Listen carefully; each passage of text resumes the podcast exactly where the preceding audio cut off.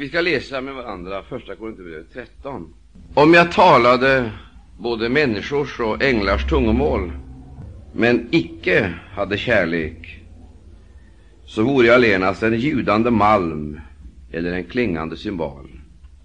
Och om jag hade profetians gåva och visste alla hemligheter och ägde all kunskap, och om jag hade all tro så att jag kunde förflytta berg, men icke hade kärlek, så vore jag intet. Och om jag går bort allt vad jag ägde till bröd och till fattiga, ja, om jag offrade min kropp till att brännas upp, men icke hade kärlek, så vore detta mig till intet gagn. Kärleken är tålig och mild. Kärleken avundas icke. Kärleken förhäver sig icke, den uppblåses icke. Den skickar sig icke ohöviskt, den söker icke sitt. Den förtörnas icke, den hyser icke agg för en oförrätts skull. Den gläder sig icke över orättfärdigheten, men har sin glädje i sanningen. Den fördrager allting, den tror allting, den hoppas allting, den uthärdar allting. Kärleken förgår aldrig, men profetians gåva, den skall försvinna, och tungomålstalandet, det skall taga slut, och kunskapen, den skall försvinna. Ty vår kunskap är ett styckverk, och vårt profeterande är ett styckverk. Men när det kommer som är fullkomligt, då skall det försvinna som är ett styckverk. När jag var barn talade jag såsom ett barn. Mitt sinne var såsom ett barns. Jag hade barnsliga tankar, men sedan jag blev man har jag lagt bort vad barnsligt det var. Nu ser vi ju på ett dunkelt sätt, såsom i en spegel, men då skall vi se ansikte mot ansikte. Nu är min kunskap ett styckverk, men då skall jag känna till fullo, såsom jag själv har blivit till fullo känd. Så bliva de då beståndande, tron, hoppet, kärleken, dessa tre, men störst bland dem är kärleken. Faren efter kärleken med varen och ivriga att undfå de andliga gåvorna. Faren efter kärleken. Vi tackar dig, kära Herre Jesus Kristus, för att ditt eget ord vill uppenbara för oss ditt innersta väsens hemligheter. Och du vill låta det bli ett med oss, kära Herre Jesus, så vi kan bli det du är, dina budbärare. Kära Herre Jesus, tack att du låter den heliga Ande på ett mäktigt sätt bli utgjuten i allas våra hjärtan, så det här inte bara blir ett högt mål som vi sätter för vår vandring eller för vår tro, utan att det blir vår erfarenhet i långt större utsträckning än någon gång tidigare. Vi lovar dig att du hör bön. Amen. Amen. Jag har här några eh, gånger talat om eh, församlingen Kristi kropp i tiden, återupprättad och uppbyggd för tjänst och uppryckelse. Och vi har då talat om eh, vad som kan läsas om just detta i Första Korinthierbrevet, i det tionde kapitlet, i det elfte kapitlet och i det tolfte. Och sist söndag, där talade vi just om det tolfte kapitlet, dess tillämpning, praktiska tillämpning eh, på det lokala planet. Därför att jag vill betona en gång till, jag finner det ganska nödvändigt i en tid då allting förefaller vara så svävande och diffust på så många områden, och de andliga begreppen har en benägenhet att upplösas i ett intet. de, de, de upplöses och eh, så försvinner begreppen och därmed också själva innehållet. Man eh, förlägger de andliga upplevelserna på ett plan eh, som egentligen är fullständigt otillgängligt. Det är omöjligt att uppleva dem eftersom man kommer med nya begrepp och inför en helt ny eh, inriktning och lägger eh, själva uppenbarelsen på ett plan som gör det nästan omöjligt att gripa tag i det och konkretisera det. Vi möter en hel, en, en hel serie med abstraktioner. Allting blir så oklart och diffust och man har en känsla av att detta, detta är någonting som är ouppnåeligt. Eller också är det något som kan uppnås, men där vi så att säga hela tiden är passiva mottagare fullständigt passiva mottagare och aldrig kan påverka eller påskynda det jag vill kalla för upprättelse och uppbyggelse. Naturligtvis är det inte på det sättet.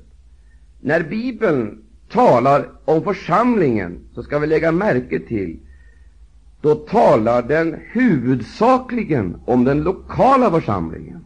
Den talar huvudsakligen till och om den lokala församlingen. Det är verkligen tveksamt om man överhuvudtaget med någon större exakthet kan tala om den universella församlingen och då liksom beskriva eller eh, redogöra för vad Bibeln menar. Jag skulle vilja säga så här, i den universella församlingen tror inte jag att det existerar några brister. Jag tror inte att den universella församlingen har eh, några sådana brister som vi talar om. Jag tror tvärtom att den universella församlingen den ser ganska annorlunda ut, och vi förstår det kanske också bättre om vi tar ett konkret exempel. Vi kan läsa Uppenbarelseboken. I Uppenbarelsebokens första kapitel för att åskådliggöra det här, där ser vi ju dessa samlade, dessa samlade uttryck för vad församlingen egentligen är i den himmelska världen. Och i den mån man kan tala om universalitet, så gäller det naturligtvis här.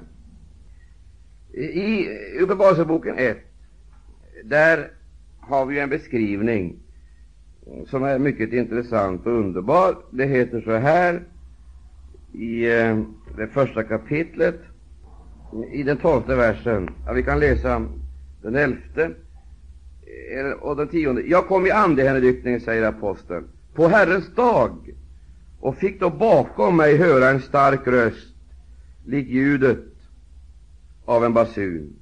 Och den sade, skriv upp i en bok vad du får se och sänd den till de sju församlingarna i Efesus, Smyrna, Pergamus och Thyatira Sardes och Philadelphia och Laodicea.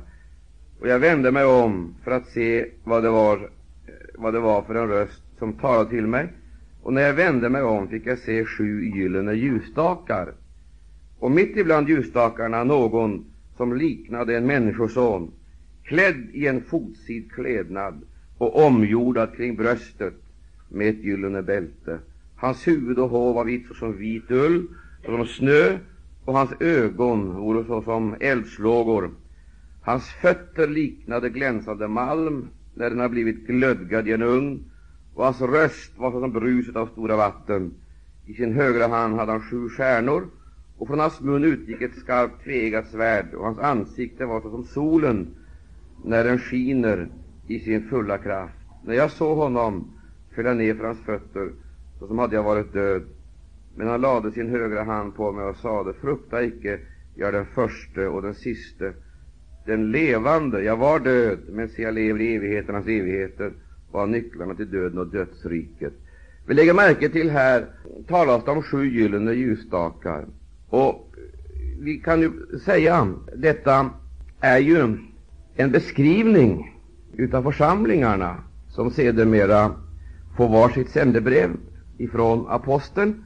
Och då vi, då vi tar del av de sändebreven så upptäcker vi ju att de sändebreven ger ju intryck av att vara någonting helt annat än sju gyllene ljusstakar. Det finns ingenting utav, tycker vi, utav den härlighet och äkthet som möter oss här i själva den uppenbarelse som liksom blir basen för sändebreven.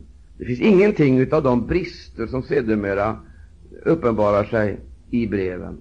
Jag skulle vilja säga det så här, sedd från himlasidan så är församlingen fullkomlig. Därför att församlingen, den, den har brister på jorden och den är alltså behäftad med en hel del ting som har med tidens svårigheter och problem att göra. Men sedd ifrån himlasidan så är församlingen fullkomlig. Och det beror naturligtvis på att allt det som har med brist, tillkortakommanden, begränsning att göra, det kommer att bli kvar här, antingen det nu handlar om ting eller individer. Det kommer att bli kvar här, för Gud har ett fullkomlighetskrav, Gud har ett fullkomlighetsideal för församlingen, och han vill att vi ska bli fullkomliga, och han verkar för att vi ska bli fullkomliga. Och därför ska vi göra klart för oss att allt det som har med bristerna att göra, det kommer att bli kvar här i alla stycken. Därför att församlingen skall, församlingen skall eh, stå slutfrälst, och då heter det att de ska vara utan fläck och utan skrynka. Hon ska vara alltså fullkomlig, fullkomlig i renhet, utan fläck, och hon ska vara utan skrynka, det vill säga hon ska vara oförgänglig i härlighet. En evig ung brud, pris och ljud. Så när vi talar om det här så ska vi göra klart för oss, när vi talar om bristerna och svagheterna, då handlar det hela tiden om den lokala församlingen. Och om det ska bli någon upprättelse, någon upprättelse, återupprättelse, förtjänst och uppryckelse, så måste det börja i den lokala församlingen. Och vem är den lokala församlingen? Det är du och jag. Vi kan alltså inte, så att säga, genom någon slags, eh, någon slags eh, teologisk formel remittera ansvaret till någonting annat, mera overkligt och längre borta än den lokala församlingen. Den är gripbar. Vad det handlar om, det handlar om dig och mig i den lokala församlingen. Och då den lokala församlingen börjar fungera som den ska göra, då kommer så också därutav att följa att de andra förhållandena regleras. I Första Korinthierbrevet, jag känner det nödvändigt att repetera det här, för att, för att genom upprepning kan vi frälsas, och genom påminnelser så kan vi förnyas i detta. I det första Korinthierbrevet, i det tionde kapitlet, i det elfte kapitlet och i det tolfte kapitlet, där handlar det alltså om konkreta ting som gäller den lokala församlingen. Det vill säga, då brevet kom till församlingen i Korint, så behövde församlingen inte söka sig ut i rymden någonstans, eller till något annat, någon annan plats, någon annan plats, eller någon annan tid, eller till någon annan storhet, utan brevet var i högsta grad personligt, och det handlade om den lokala församlingen i Korints tillstånd. Det handlade om deras tillstånd, deras förhållande till andevärlden, änglavärlden. Det handlade om deras förhållande i församlingsmötena, till brödsbrytelsen, till kärleksmåltiden. Det handlade om deras sätt att eh, eh, bruka andliga gåvor. Det handlade om deras, eh, deras eh, förhållande, interna förhållande till varandra. Det är det här det handlar om hela tiden. Och nu när han då kommer in i det trettonde kapitlet, där vi möter det kapitel som kallas kärlekens lov, så vill jag påstå att det också här handlar om förmaningar som är betingade utav lokala förhållanden som måste ändras på, eller lokala missförhållanden. Jag vill inte påstå att det i och för sig handlar om kärlekslöshet, men det handlar om förväxlingar, betydelsefulla förväxlingar, det vill säga man satte någonting före det som var det viktigaste. Begick alltså det misstaget att man sökte, eh, för att uttrycka det här kortfattat, man sökte i ganska stor utsträckning gåvorna framför givaren.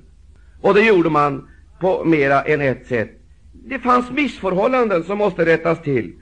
Och då han har beskrivit detta förhållande, som har med församlingens mentalitet att göra, den mentalitet som fanns i församlingen, tendensen till kategoriklyvningar, exempelvis. Kategoriklyvningar, det fanns tendenser, tydliga tendenser till kategoriklyvningar, så att man hade infört, så att säga, det korintiska tänkandet på församlingen, eller det var de som ville förhäva sig på grund av att de hade materiella resurser som andra saknade.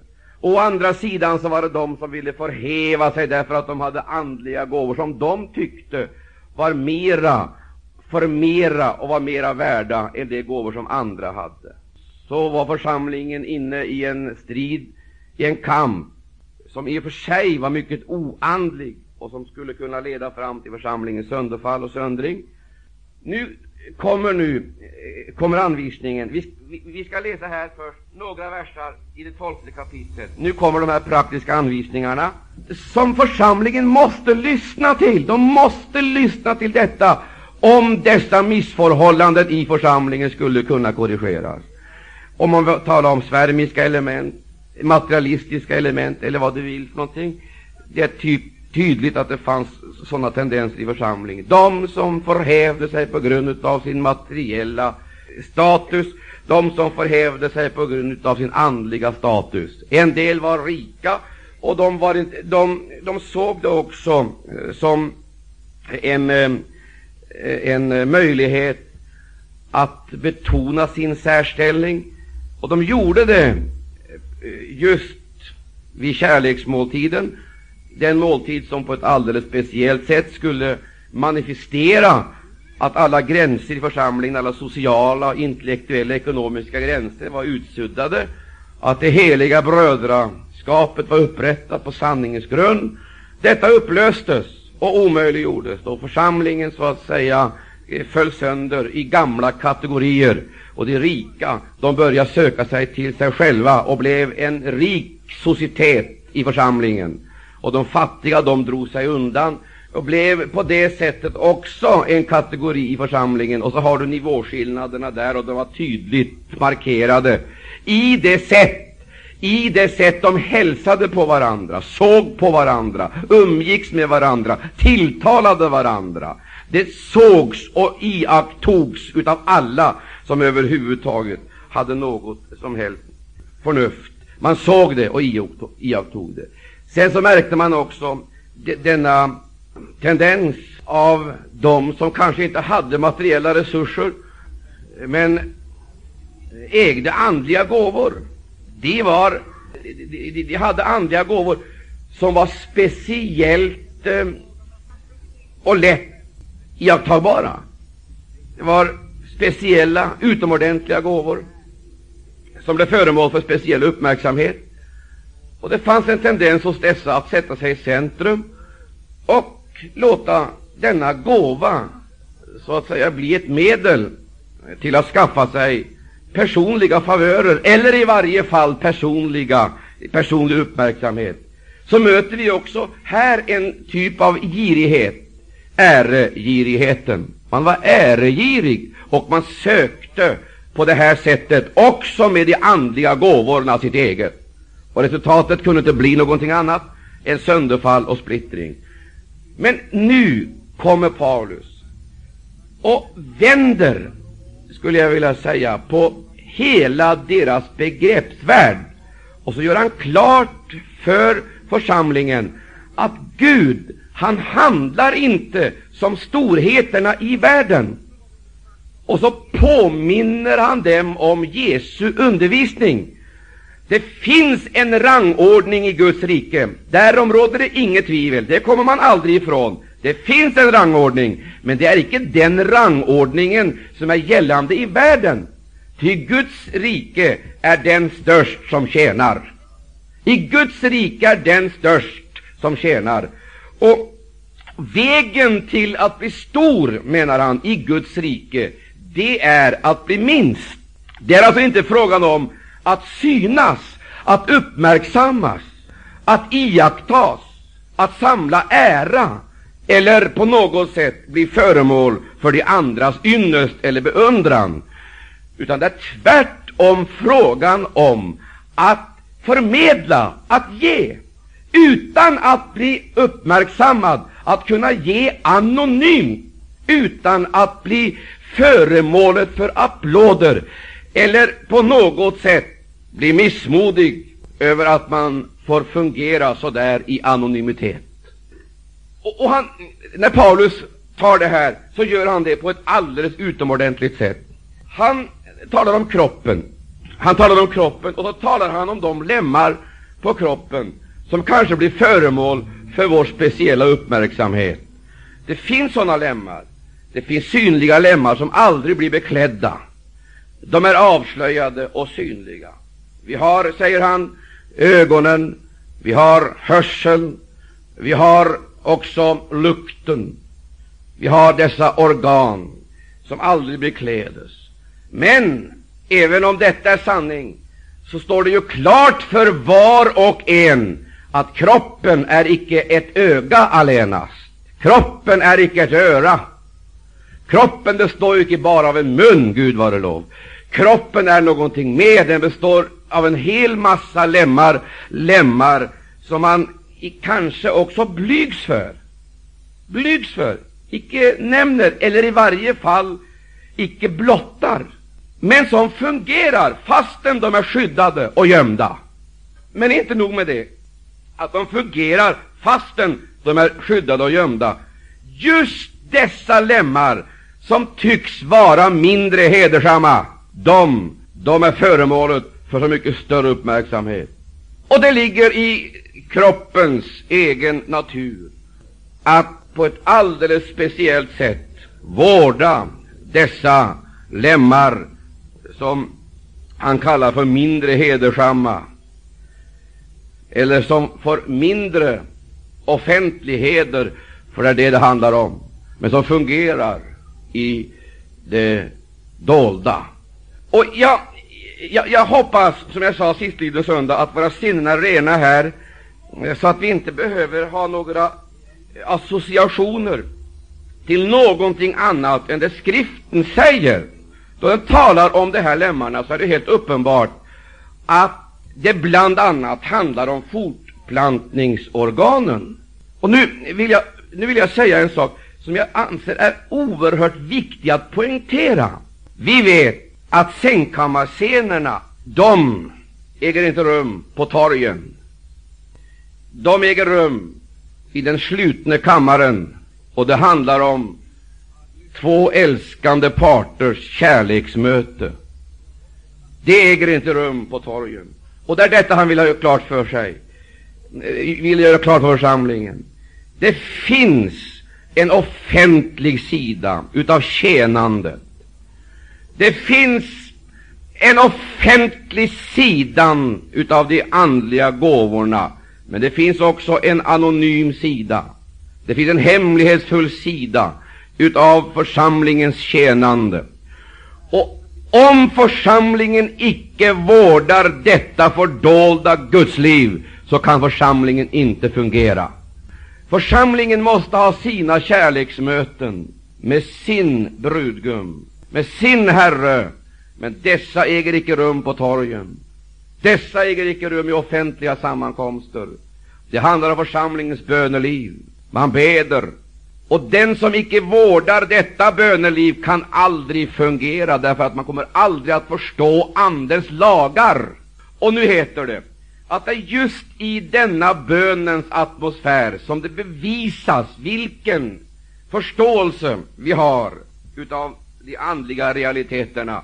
För att det här, i den bönens atmosfär, som han nu hela tiden har poängterat, det är i den här atmosfären av bön, tillbedjan och lovsång som lemmarna vårdas.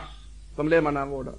Och eftersom jag nu här talar om sammankomster, så får jag se er in i ansiktet, mina älskade vänner. Här ligger ju själva kardinalproblemet, därför att det finns många kristna som går till alla de offentliga eller till några utvalda offentliga gudstjänster.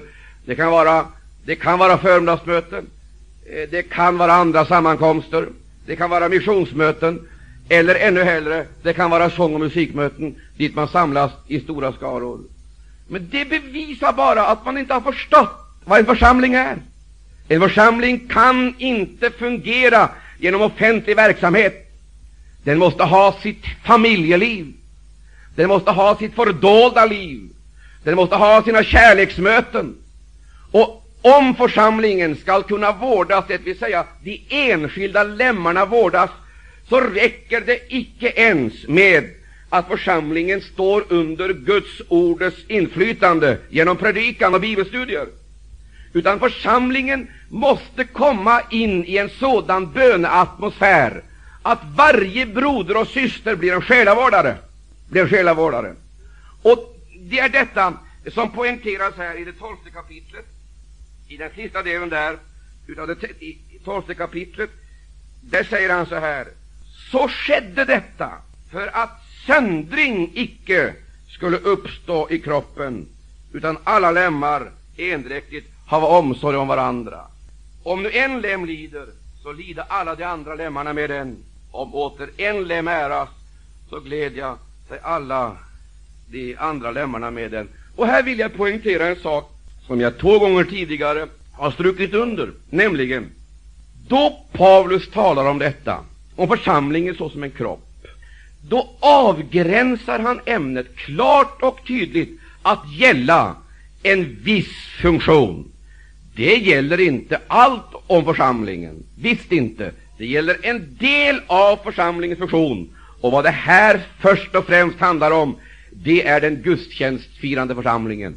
Församlingen är en gudstjänstfirande församling, och församlingen är Kristi kropp då den är en gudstjänstfirande församling. Och lemmarna måste fungera i denna gudstjänst för att överhuvudtaget ska bli en nytestamentlig gudstjänst. Eller, för att ta mötesprogrammet som han eh, ger församlingen, där han ju klart och tydligt säger i den 23 versen i 14 kapitel, om nu hela församlingen kommer tillhopa till gemensamt möte och alla där talade tungomål, och så några som vore olärda komma dit in, eller några som icke trodde, skulle då icke dessa säga att de vore ifrån eller av sinnen. Och han går vidare, och så säger han så här, vad följer då härav? Vad följer du härav? För att en gudstjänst inte ska bli ytlig, ytlig, förflackad och monoton. Det består icke bara tungomålstalande, tungomålstalande, icke bara uttydning. Och alla pratar icke munnen på varandra.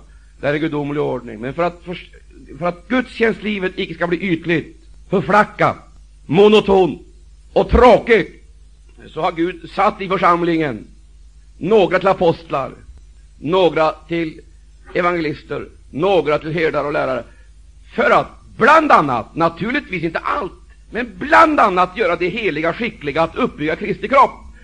Så vår uppgift är ju att få församlingen att fungera i gudstjänstlivet. Få församlingen att fungera i gudstjänstlivet. För annars så finns det en stor risk för, ja den risken är uppenbar, att det blir ett funktionärsvälde. Det blir en enmansteater. Eller så måste man fylla, så att säga, gudstjänstlivet med en hel mängd ting, med element som icke hör Guds rike till. Man måste plocka upp det ena och plocka upp det andra för att ge gudstjänstlivet innehåll. Och det är väldigt mycket som vi har att välja på, framför allt i den här tiden. Men här har vi idealet. Här har vi idealet. Det är ju inte att vi ska stå här och leda och prata, leda, sjunga, predika, tala för kollekten och avsluta och inbjuda. Det, det, är ju inte idealet, utan idealet är att församlingen kommer i funktion, var och en. Var och en. Var börjar den funktionen? Den börjar i bönemötet, i det fördolda livet. Där börjar den. Ty det är just där som vi lär oss en hemlighet, nämligen vi lär oss att vi i vår egen kraft icke förmår att göra någonting. Det är icke genom våra talanger, det är icke genom våra naturliga gåvor och vår naturliga utrustning, det är genom Andens gåvor. Det är genom Andens gåvor. Prisat vara Herrens underbara namn. Och så här skulle det fungera, säger aposteln. Vad följer det här av? Mina bröder, jo, när de kommer tillsammans så har var och en något särskilt att meddela. Och nu ska jag tillspetsa det här en liten aning, och så skulle jag vilja fråga dig så här. När hade du något särskilt att meddela sist, när du kom till sammankomsten? När hade du något särskilt att meddela sist? Och jag säger inte detta som en dom, men som en möjlighet. För att det kan vara så här, och det är det Paulus betonar, när en lem lider, det vill säga när en lem blir undanträngd, när en lem icke kommer i funktion, utan blir undanträngd i gudstjänstlivet, då följer därutav att hela församlingen lider. Hela församlingen lider. Och det finns lemmar som kanske eh, hålls undan eller trycks ner. De kan aldrig komma i funktion, därför att de, de, de kan inte fungera i det där stora sammanhanget på det där sättet som de skulle göra. De kan inte fungera i den där stora sammankomsten. Och de har inte de där väldiga offentliga funktionerna, men de har en själavårdande funktion. Och för att den funktionen icke skall bli förlamad, satt på sidan eller förtryckas, så måste den, den lemmen, den måste hjälpas i funktion. Den måste hjälpas. Och när åter en lem äras, då gläder sig hela församlingen, det vill säga när man ser att lemmarna blir utrustade med nya gåvor. Åh, vad församlingen fröjdar sig. Halleluja, nu, nu har de blivit döpta i den heliga Ande, nu är nya gåvor utdelade. Nu har de fått det och nu har de fått det. Nu är det för slut med förtrycket och istället så lovar de Gud. Då bryter lovsången fram och vi upplever att gudstjänstlivet blir en makt.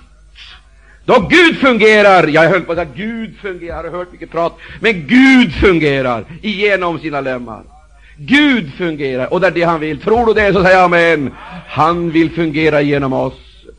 Vi ska läsa här vad han har för mål för dessa sammankomster. Han säger så här, när de kommer ihop tillsammans, så har var och en något särskilt att meddela. Den ene har en psalm, den ene har en psalm, den andra något till undervisning, en annan åter någon uppenbarelse, en talar tungomål, en annan uttyder. Allt detta måste ske så att det länder till uppbyggelse. När I kommer tillsammans, så var det något särskilt att meddela. Den ene har en psalm, den andra något undervisning, en annan åter någon uppenbarelse, en talar tungomål, en annan uttyder. Allt detta må nu ske så att det länder till uppbyggelse. Kanske vi ska göra en liten paus där och ställa frågan hur många är det som behöver förnyas för att kunna fungera i gudstjänstlivet. Så kanske vi också måste eh, lära om här och återigen lägga tyngdpunkten där den bör ligga. Tyngdpunkten måste ligga i bönelivet, i det enskilda fördolda gudslivet. Det är där vi måste komma tillsammans och bygga upp församlingen. Och utifrån bönelivet kommer sedan kärleksmåltiden. Kärleksmåltiden. Bön, kärleksmåltid, brödsbrytelse. Det är på det sättet som församlingen ska byggas, uppbyggas. Och vi ser på flera ställen vi ser på flera ställen i, i apostlarnas undervisning till församlingarna, bland annat då han skriver till församlingen i Efesus. Där säger han så här i Efesierbrevets femte kapitel. I Efesierbrevets femte kapitel, där säger han ifrån den sjuttonde versen så här. Varen alltså, varen alltså icke oförståndiga, utan förstånd vad som är Herrens vilja. Och dricken eder icke druckna av vin, ty därav kommer ett oskickligt leverne, låt den eder fastmer uppfyllas av Ande. Och så kommer det, och talen till varandra i salmer och lovsånger och andliga visor och sjungen och spelen till Herrens ära i edra hjärtan och tacken alltid Gud och Fadern för allt i vår Herres Jesu Kristi namn. Här har vi, här har vi det jag skulle vilja kalla för umgängesformerna syskonen emellan. För att församlingen icke ska destrueras, brytas samman i sina beståndsdelar, så måste vi komma in i Anden, och Anden måste fylla oss. Och vi måste övervinna de destruktiva krafterna i vårt väsen och genom trons väldiga makt börja tala till varandra på ett andligt sätt. Tala till varandra på ett andligt sätt. Och hur ska vi tala till varandra? Jo, säger skriften, vi ska låta oss uppfyllas av anden. Och ska vi tala till varandra i salmer och lovsånger Eh, och andliga visor och sjunga och spela till Herrens ära i era hjärtan och tacken alltid Gud och Fader för allt i vår Herres Jesu Kristi namn. Jag skulle vilja fråga, är det här det mest vanliga, eh, är det här det mest vanliga sättet att kommunicera med syskonen? Nej, tyvärr. Det är inte så. Det är inte så.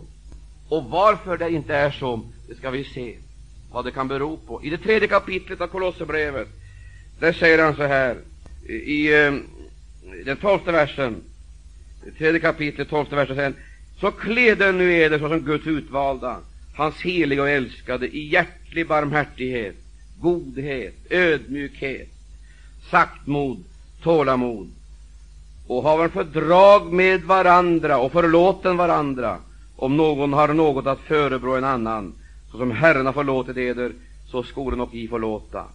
Men allt detta skolen i, men över allt detta skolen i ikläda eder kärleken till denna fullkomlighetens sammanhållande band. Och så kommer det, och låt den Kristi frid regera i edra hjärtan, ty till att äga den är en i och kallade såsom lemmar i en och samma kropp, och var en tacksamma.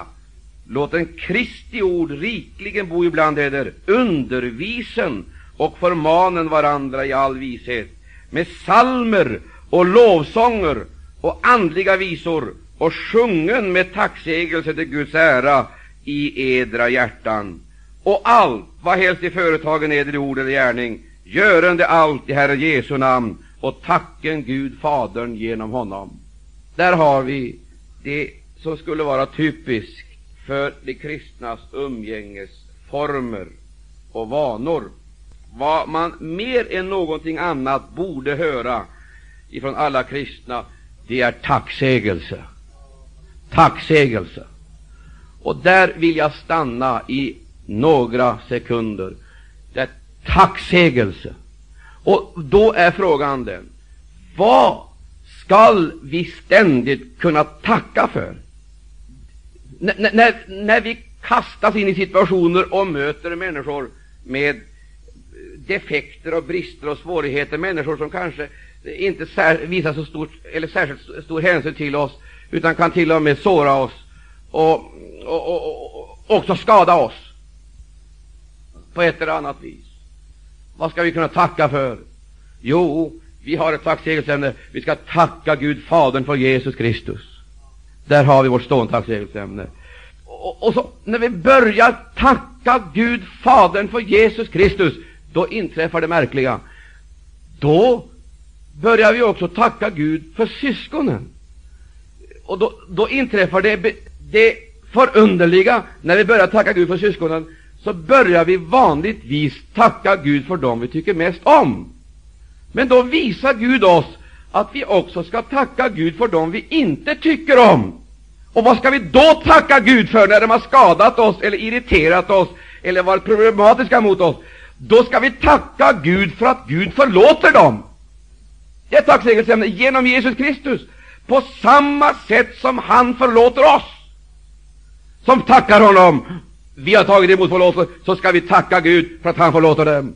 Och vad sker då? när vi i tro börjar tacka Gud för Jesus, tacka Gud för syskonen, också de som kanske har varit oss till förfång, då upplever vi att vi i vårt hjärta får kärlek till dem. Och det är det som är det oförklarliga. Och det är det som är undret. Då förstår vi att Gud älskar oss icke på grund utav våra förtjänster. Han älskar oss för Jesus skull. Och det handlar om försoningens nåd och förlåtelsens makt genom Jesu Kristi försoning. Då vi kommer till det trettonde kapitlet så förändras ju inte bilden så tillvida att Paulus här helt plötsligt börjar tala om några andra än församlingen i Korint. Det var den församling som kom tillsammans i Korint, som samlades omkring Herrens bord i Korint. Det var den församling som tjänade Jesus Kristus i Korint. Det är den församlingen som firade gudstjänst i Korint, som var Jesu Kristi kropp. Och det är den han talar om. Men den församlingens problem är också andra församlingars problem. Och i den mån som vi på något vis är i det ena eller andra stycket lika den församlingen, så gäller också brevet oss. Och så kommer då samma korrigerande budskap till oss. Men jag har så svårt för att tala om det här. Därför att det, det finns inga möjligheter att dressera fram kärlek, att tvinga fram kärlek. För att man kan åstadkomma, man kan åstadkomma attityder som ger sken av kärlek, men som är baserade på fruktan. Då är man inte längre fri, då är man träl. Man kan uppträda på det sätt som man tycker att människor vill att man ska uppträda för att man ska bli accepterad eller bejakad. Man kan sitta med sångboken på det sättet, sjunga på det sättet, låta bli att göra vissa saker och göra vissa andra saker för att därigenom bli erkänd som en församlingsmedlem eller, inte ut, eller slippa att bli utfrusen. Därför att man har, så att säga, ett beteende, ett tillvägagångssätt som är allmänt och bejakat och som också många gånger är fullt begripligt, men som kanske lite överdrivet har kristnats dithän att det har blivit sakralt. Men all right, du förstår, det är så lätt att förväxla de yttre attityderna och begå misstaget och tro det, att därför att man har de här yttre kriterierna så är allting bra. Men det, det, det är visst inte säkert att det är bra. Och därför är det så svårt att tala, för att det handlar inte om det handlar egentligen inte om vårt yttre beteende i första hand, utan det handlar om det inre livet. Och det är det inre livet som måste skapa mönstret, icke det yttre mönstret som skapar livet. Alltså, det är det, det, är det inre livet. Och då kommer det här in i bilden. Det vill säga, vi är en liten grupp, vi är få människor. Det är lätt för oss att se och iaktta varandra, åtminstone relativt lätt, att se och iaktta varandra. Det är lätt att notera fördelar. Det är också lätt att iaktta nackdelar. Det är också relativt lätt att taxera människor genom det man iakttar i dess yttre. Och det är lätt för oss att falla för frestelsen att göra det. Vi dömer och vi kvalificerar. Vi dömer ut och kvalificerar efter de här yttre mönstren och sorterar bort människor alldeles för lättvindigt. Men det heter Gud, han har sina kännetecken och han känner de sina. Han känner de sina. Halleluja, ära vare Gud och Lammet. Det är, därför att, det, är, det är så väldigt svårt att tala om det här. Men jag måste försöka. Det här som gäller för första Korinthierbrevet 13, det är det som ska tillämpas, praktiseras och erfaras i församlingen i Korint. Och där detta Herren önskar se tillämpat i församlingen i Stockholm. Så vi ska inte försöka lyfta upp det här eh, på ett universellt plan och börja söka det där uppe eller där borta. Herren söker det här. Han vill finna det här hos oss. Och då står det klart, lyssna, att det är vissa aktiviteter som aposteln måste bekämpa eftersom de är framsprungna utav en felaktig, ett felaktigt motiv. och en väsensfrämmande ande. Och han gör klart för församlingen i Korint, de här kvaliteterna, egenskaperna, som han nämner i den första delen av kapitlet, de finns på andra platser. De finns på andra platser i världen. De finns på andra platser också utanför församlingen. Han säger, det finns idealister, det finns, eh, det finns filantroper, och det finns moraliskt oförvitliga människor praktiskt taget överallt. Och så säger han, det är en hög väg. Idealismens väg, är en hög väg. Moralismens väg är en hög väg. Det är en hög väg, men det är inte en väg som räcker för församlingen. Det måste en högre väg till. En högre väg. Och vad är det för någonting? Världen har idealism och moral. Världen har ide idéer och ideologier. Den har många människor som på det sättet är redo att satsa sig själv för olika saker. Människor vill satsa sitt liv för fosterlandet, ger sig vid fronten för sitt, sitt land, för sitt hem. Det är en god sak, det är en hög väg. Man ger sitt liv för sitt land och för sitt hem. Det finns de som ger sitt liv för en idé. Det är en god väg, det är en hög väg. Och det finns många exempel på det. Ut ur historien skulle vi kunna plocka dem fram, dessa, dessa män och kvinnor som på många vis har varit föredömen. De har haft kärlek, kärlek till fosterland, kärlek till hem, kärlek till familj, kärlek till, eh, till människor på det sättet att de ville offra sig för andra. Men, säger Paulus, det räcker icke. Det finns en högre väg. Och eh, så säger han, i världen, där satsar människor på idéer. Där satsar människor genom eh, genom insatser där de offrar sig själv. I församlingen finns det en risk att vi kan ta världens metoder och låta gåvorna fungera genom världens metoder. Och låter vi gåvorna fungera genom världens metoder, då lever vi på ett för lågt plan. Är det så att gåvorna fungerar så att vi centrerar oss själva, uppmärksammar oss själva, eller de materiella ting vi äger, så att säga skaffar oss förmånsställningar eller favörer i Guds församling, då har vi icke gjort någonting annat än att överfört världens struktur till församlingen. Och det är detta som måste brytas sönder. Det måste slås sönder. Och hur ska det kunna ske? Endast genom en högre väg och det är kärlekens väg. Och så kommer han in på det som jag tycker är det mest gripande i hela Nya testamentet, för jag kan inte finna någonting annat än att just det är det typiska exemplet på Andens väldiga kraft över den egoistiska människan och hennes materiell, materialistiska ande och, materialist, och materiella krav. Då hon blir fylld med den heliga Ande så ger hon allt vad hon äger till de fattiga. Icke utan någon slags medlidenhet, men såsom ett offer för att hon själv, hon själv vill underkasta sig egendomslösheten för Jesus skull, för att utan status och symboler och falsk trygghet eller någonting annat vill kunna följa honom fri och oberoende. Jag tycker det är fantastiskt. Kristuskärleken. Men, säger han, denna egendomslöshet, det kan andra satsa på. Det finns de som är redo att ge allt. De vill ge allt för en idé. Och det finns de som vill ge allt för de fattiga. Medlidande med de fattiga.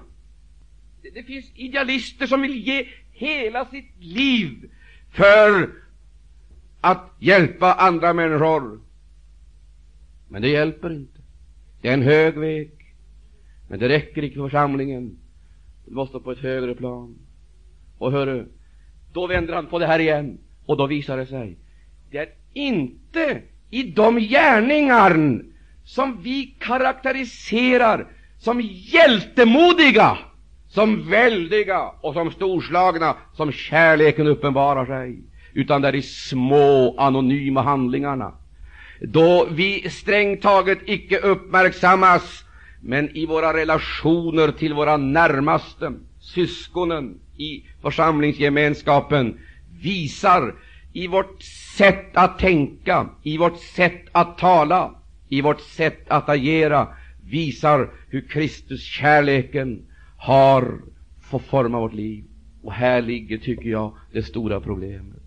För det är icke svårt att älska, eller i varje fall, det är relativt lätt, eller jämförelsevis lätt att älska, om kärleken applåderas, gärningarna applåderas.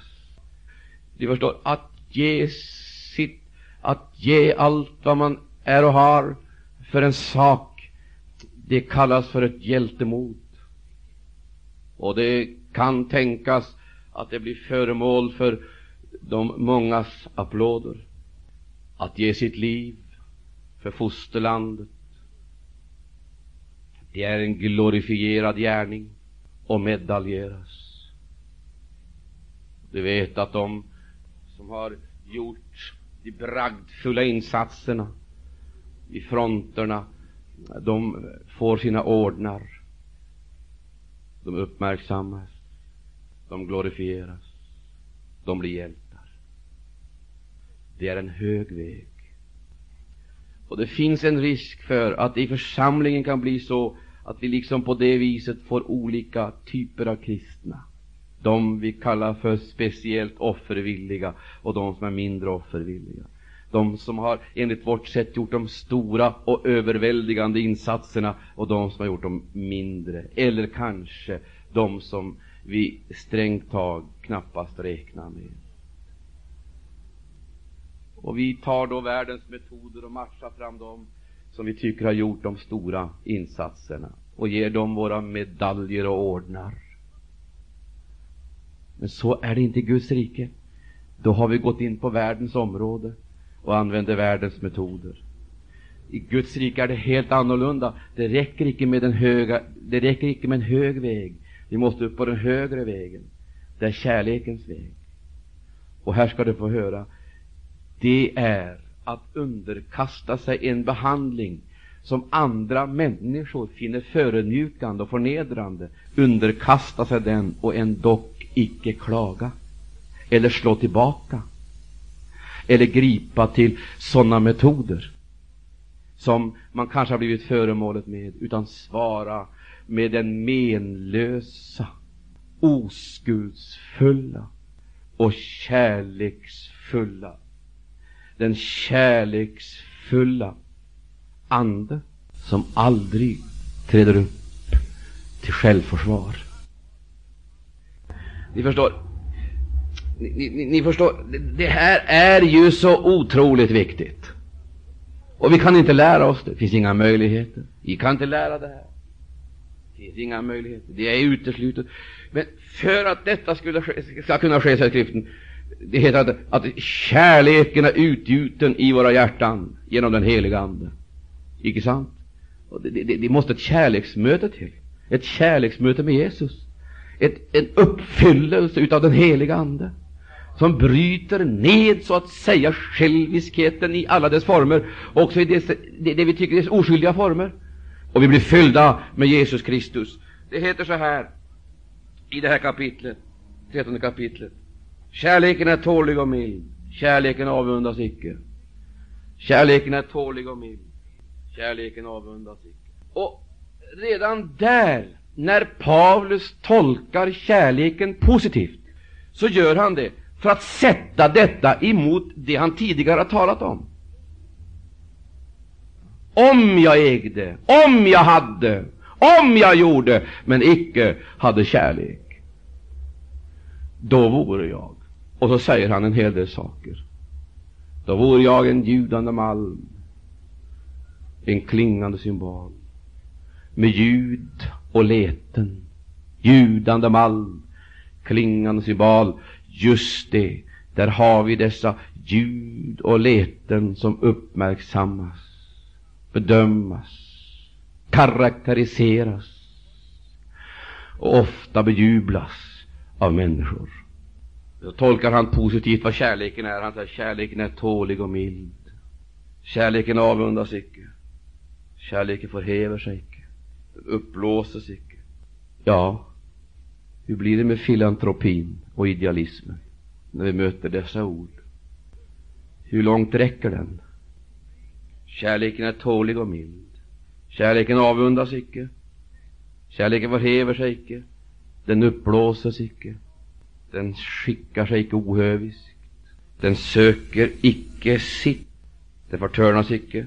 Den hyser icke agg för en oförrätts skull. Den gläder sig icke över orättfärdigheten, men för glädje i sanningen. Den fördrager allting, den tror allting, den hoppas allting. Den uthärdar allting. Kärleken är tålig och mild. Om vi förstår bakgrunden här, förhållandena i Korint och förhållandena bland oss, så fattar vi ju att här finns det någonting, någonting utav så stor betydelse att ingenting annat kan ersätta det. Hur mycket tål vi? Och vi kan fortsätta att läsa det här kapitlet och så ser vi vilka egenskaper som kärleken har. Och aposteln är klar för församlingen. Det är just detta som helt och hållet skiljer församlingen ifrån all annan verksamhet i tiden. Och det är just här som församlingens evighetsdimension slår igenom på ett alldeles speciellt sätt. För också många av de ting som församlingen håller på med ska försvinna. Det är inte bara de materiella tingen vi rör oss med som ska upphöra, utan också tungomålstalet ska försvinna, uttydningen ska försvinna, och de gåvorna ska försvinna. Det är byggnadsställningarna som liksom står där omkring huset under uppbyggnadstiden. Men när huset är uppbyggt så tar man byggnadsställningarna bort. Och snart så ska byggnadsställningarna bort. Huset är klart. Ära vare Gud och Lammet. Men det är inte bara de materiella tingen som ska upphöra, som vi ska skiljas ifrån. Utan det är också frågan om de andliga tingen här. Gåvor, tungomålstal, uttydning, profetia och kunskap. Allt sammans detta ska försvinna, men det är något som består. Något som består. Och vad är det då som består? Det är tron, hoppet och kärleken. Här har vi församlingens evighetsdimension. Den finns icke i världen, den finns i församlingen. Men när jag säger att den finns i församlingen, då måste jag säga på samma gång som jag säger den finns icke i världen. Den finns icke eh, i något system eller något sammanhang. Den råder icke. Den finns icke i världen. Där möter du, där möter du den mänskliga kärleken. Men sen är det stopp. I församlingen, i den lokala församlingen, där ska du möta den gudomliga. Där man icke söker sitt. Där man icke hyser agg. Där man icke har rum för avund. Är det någon som behöver möta Jesus? där man icke är uppblåst och så vidare. Där har vi församlingens evighetsdimension, den lokala församlingens evighetsdimension. Det är någonting som ska bestå och där kärleken den förbliver.